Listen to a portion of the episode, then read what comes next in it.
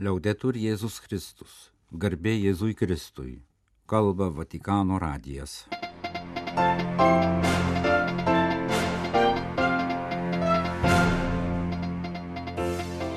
Malonus klausytojai šioje penktadienio spalio šeštosios programoje Sinodo asamblėja apie antrąją generalinę kongregaciją.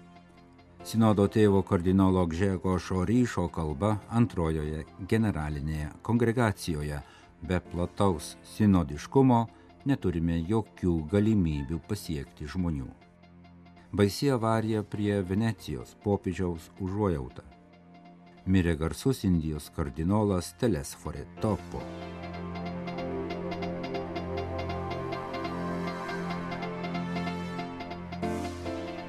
Sinodo asamblėjos nariai kartu su jais ir popiežius Pranciškus penktadienio spalio šeštosios priešpėti antrojoje generalinėje kongregacijoje, tai yra visų dalyvių posėdžiuose, išklausė 18 darbo grupių atstovų pasisakymus apie ketvirtadienio diskusijas. Sinodo asamblėjoje prisiminta Ukrainos patiriama karo nelaimė ir išsakytas artumas kenčiantiems Ukrainos žmonėms. Apie antrosios generalinės kongregacijos eigą informavo Sinodo informacijos komisijos nariai susitikime su spaudos atstovais. Pagrindinės antrosios generalinės kongregacijos temos buvo visų formacija - seminaristų ir kunigų, pasauliečių ir katechetų visos bažnyčios, moters vaidmo, Euharistijos liturgijos, ypač sekmadienių mišių ir apskritai maldos svarba bažnyčia kaip šeima ir šeimos vaidmuo bažnyčioje, dėmesys vargstantiems ir jaunimui, bažnyčia dėl vargstančiųjų ir neturtinga bažnyčia, priimanti bažnyčia ypač migrantų atžvilgių.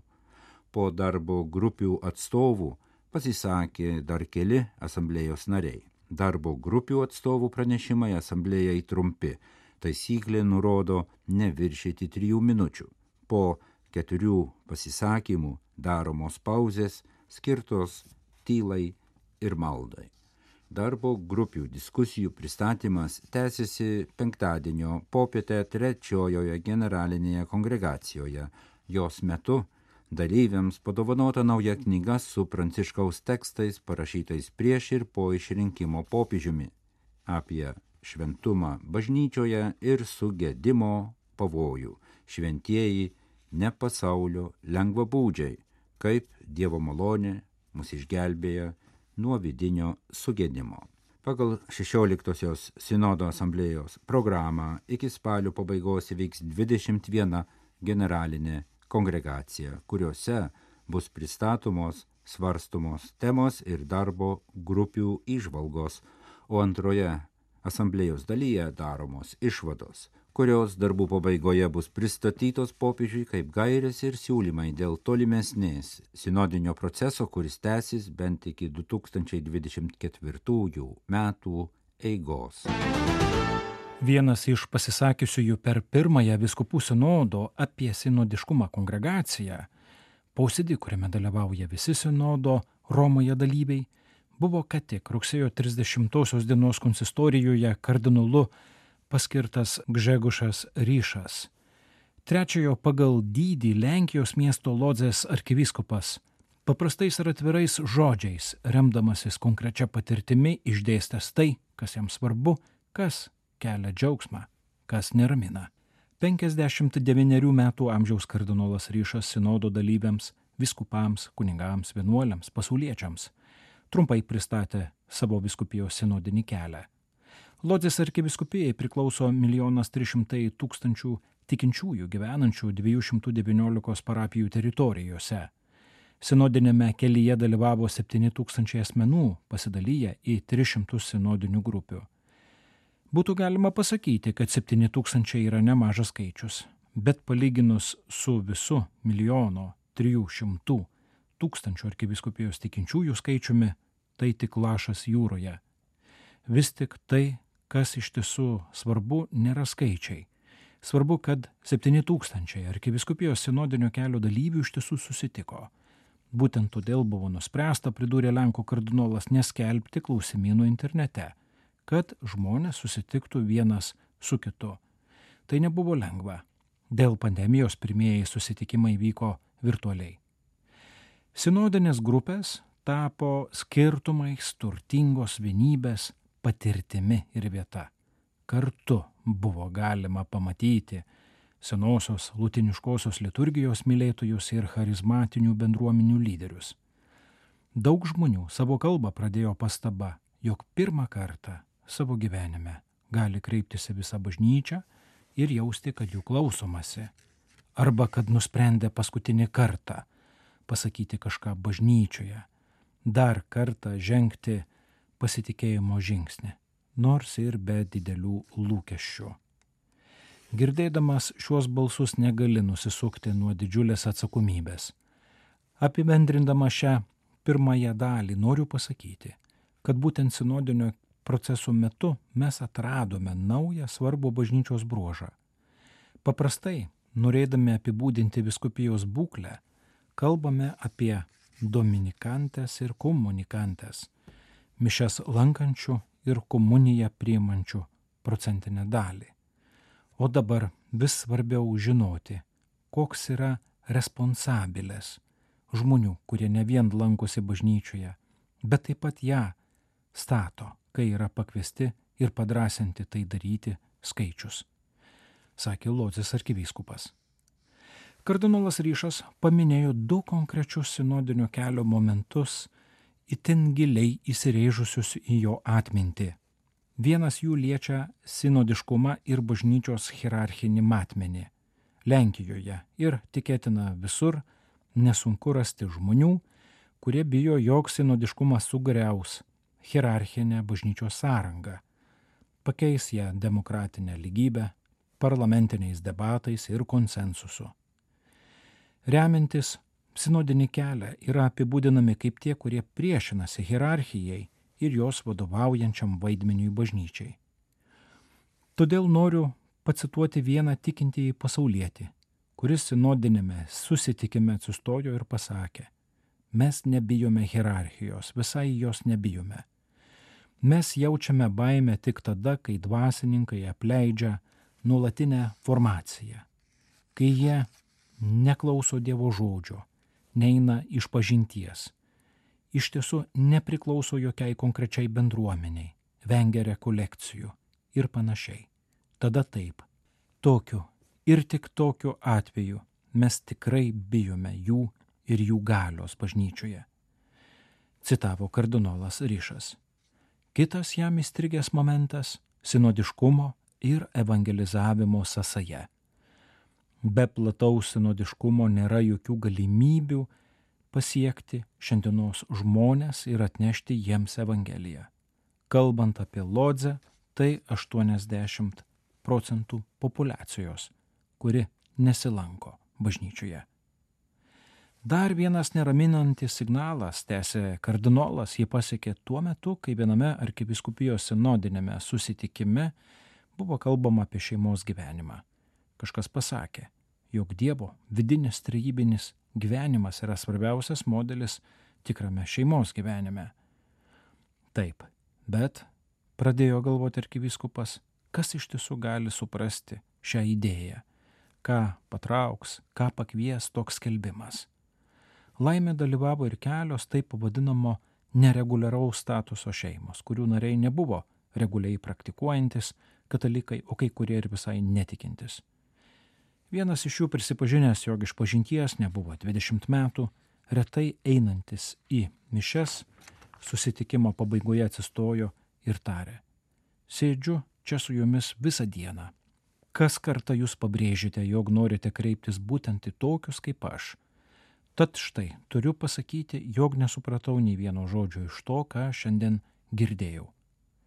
Ir šie žodžiai anot Lenko kardinolo buvo palaiminimas ir pavyzdys, kaip veikia šventoji dvasia. Nepakanka pakviesti į sinodą, kad ir šimtus tikinčiųjų, kurie jau įsitraukia į bažnyčios gyvenimą ir aptarinėti dalykus su jais. Atstumas tarp jų ir tarp žmonių, kurie, kaip ir jie pakrikštyti, bet gyvena pasaulyje, yra neįtikėtinas. Be plataus sinodiškumo mes neturėsime ne tik evangelizavimo instrumentų, bet net ir kalbos, kurią evangelizuoti, pabrėžia Lenkų ganytojas. Lodzės arkivyskupas kardinolas Ryšas su sinodo apie sinodiškumą Romoje dalyviais pasidalijo tuo, kas jo nuomonė yra didžiausias sinodinio kelio jo viskupijoje vaisius. Visose parapijose rugsėjo viduryje buvo sušaukti parapijiniai sinodai. Jie veiks du metus. Parapijiniam sinodui vadovauja parapijos pastoracinė taryba. Visų pirma, ši taryba iškels svarbiausius parapijos bendruomeniai klausimus, problemas, iššūkius. Tada parapijos kunigas sukvies visus parapiečius į dvasinį pokalbį. Žinoma, neturiu jokio supratimo, koks bus rezultatas po dviejų metų, bet šiuo metu galiu bent pasakyti, jog pagaliau kiekvienoje parapijoje turiu pastoracinę tarybą. Vien per pastarosius du mėnesius tarybos buvo įsteigtos 85-90 parapijų, sakė kardinolas Ryšas, užbaigdamas savo pastabas. Spalio penktosios dienos vakare Venecijos patriarchas Francesco Moralija vadovavo gedulingoms pamaldoms vienoje Mestrės miesto, kuris yra tiltu susijęs su pačia Venecija parapijoje, melzdamasis už baisios avarijos aukas. Pamaldų metu perskaityta ir popiežiaus užuojautos telegrama. Kaip pranešė Italijos žiniasklaida spalio trečiąją dieną, autobusas vežęs turistus iš Mestrės kempingo į Veneciją prarado kontrolę, ko gero sublogavus vairuotojui ir nukrito nuo aukštos rampos. Žuvo 21 žmogus, tarp kurių pusantrų ir 11 metų vaikai, dar 15 buvo sunkiai sužeisti, 11 iš jų paguldyti į intensyvios terapijos skyrius, o kai kurių gyvybė kabo ant plauko. Tarp žuvusiųjų devyni ukrainiečiai, keturi rumunai, trys vokiečiai, italas, kruatė, du portugalai, vienas Pietų Afrikos Respublikos pilietis. Dauguma žuvusiųjų ir sužeistųjų yra jauni žmonės. Žiniasklaida dalyjasi dramatiškomis detalėmis. Žuvusi jauna moteris iš Kroatijos susitokė vos prieš tris savaitės ir laukėsi kūdikio. Jos vyras šiuo metu intensyvios terapijos skyriuje. Labai sunkiai sužeisti septynių ir 13 metų vaikai iš Austrijos yra gydomi intensyvios terapijos skyriuje, tuo tarpu jų mama neišgyveno. Venecijos patriarchas Francesco Moralija kartu su miesto meru ir prefektu taip pat aplankė avarijos vietą. Gedulingose pamaldose Mestrės parapijoje patriarchas pasidalijo popiežiaus pranciškaus prašymu perduoti jo ypatingą artumą taip tragiškai žuvusiųjų artimiesiems ir maldą kad jie būtų pagusti viešpatės ir kad sužeistieji greitai pasveiktų.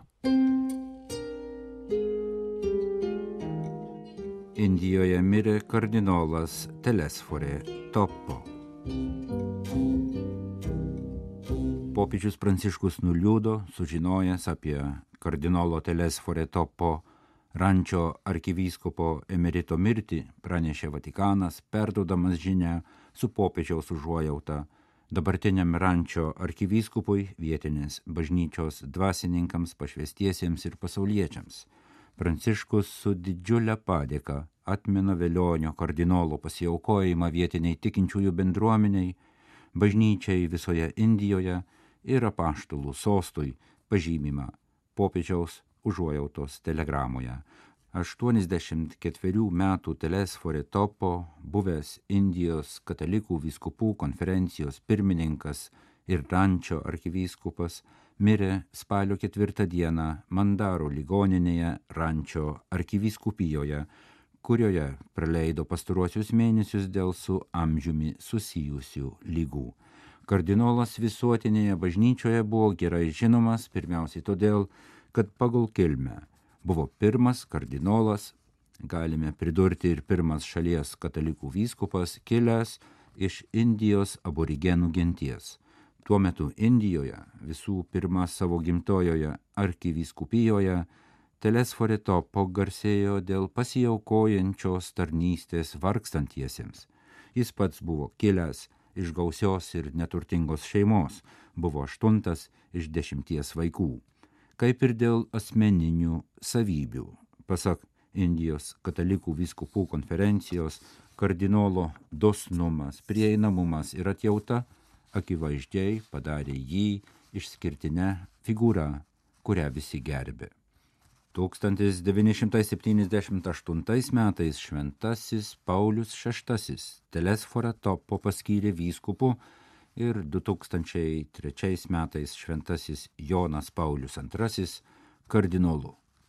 2005 ir 2013 metais kardinolas dalyvavo abiejose šio šimtmečio pradžios konklavose dviem kadencijoms ėjo Indijos katalikų viskupų konferencijos ir vieną kadenciją Indijos lotynų katalikų viskupų konferencijos pirmininko pareigas.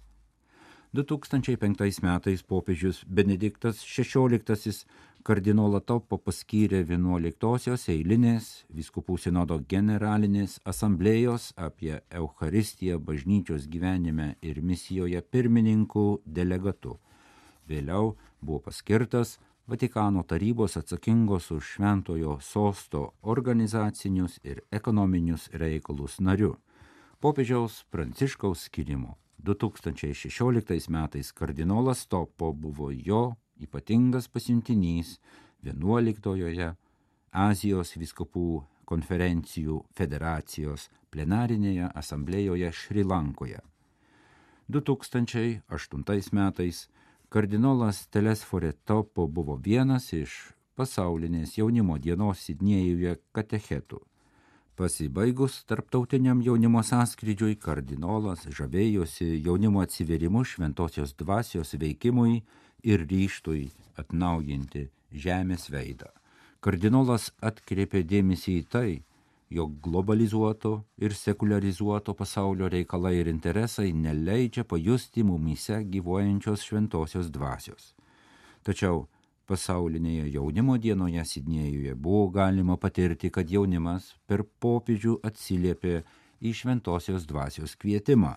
Tai tikrai yra šventosios dvasios dovana, ramybė ir džiaugsmas užliejo skirtingų kultūrų jaunus žmonės jie tikrai leidžia, kad tikėjimo ir tiesos šaknys įauktų į Kristaus uolą.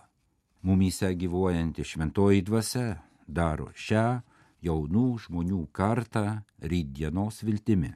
Jaunimas su šventosios dvasios pripildytomis širdimis pašauktas atnaujinti žemės veidą. Kardinolo laidotuvių mišios įvyks ateinantį trečiadienį spalio 11 dieną Loyola Grounds aikštėje, Rančy katalikų bendruomenės susitikimų vietoje po atvirų dangumi, kurioje paprastai vyksta pagrindinės arkivyskupo vadovaujamos liturginių metų apeigos, įskaitant didžiojo Velykų tridienio.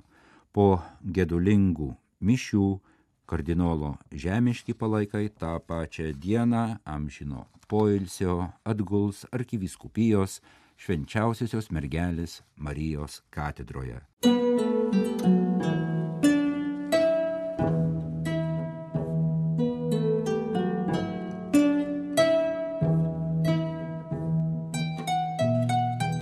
Kalba Vatikano radijas, laidą lietuvių kalba baigėme garbė Jėzui Kristui.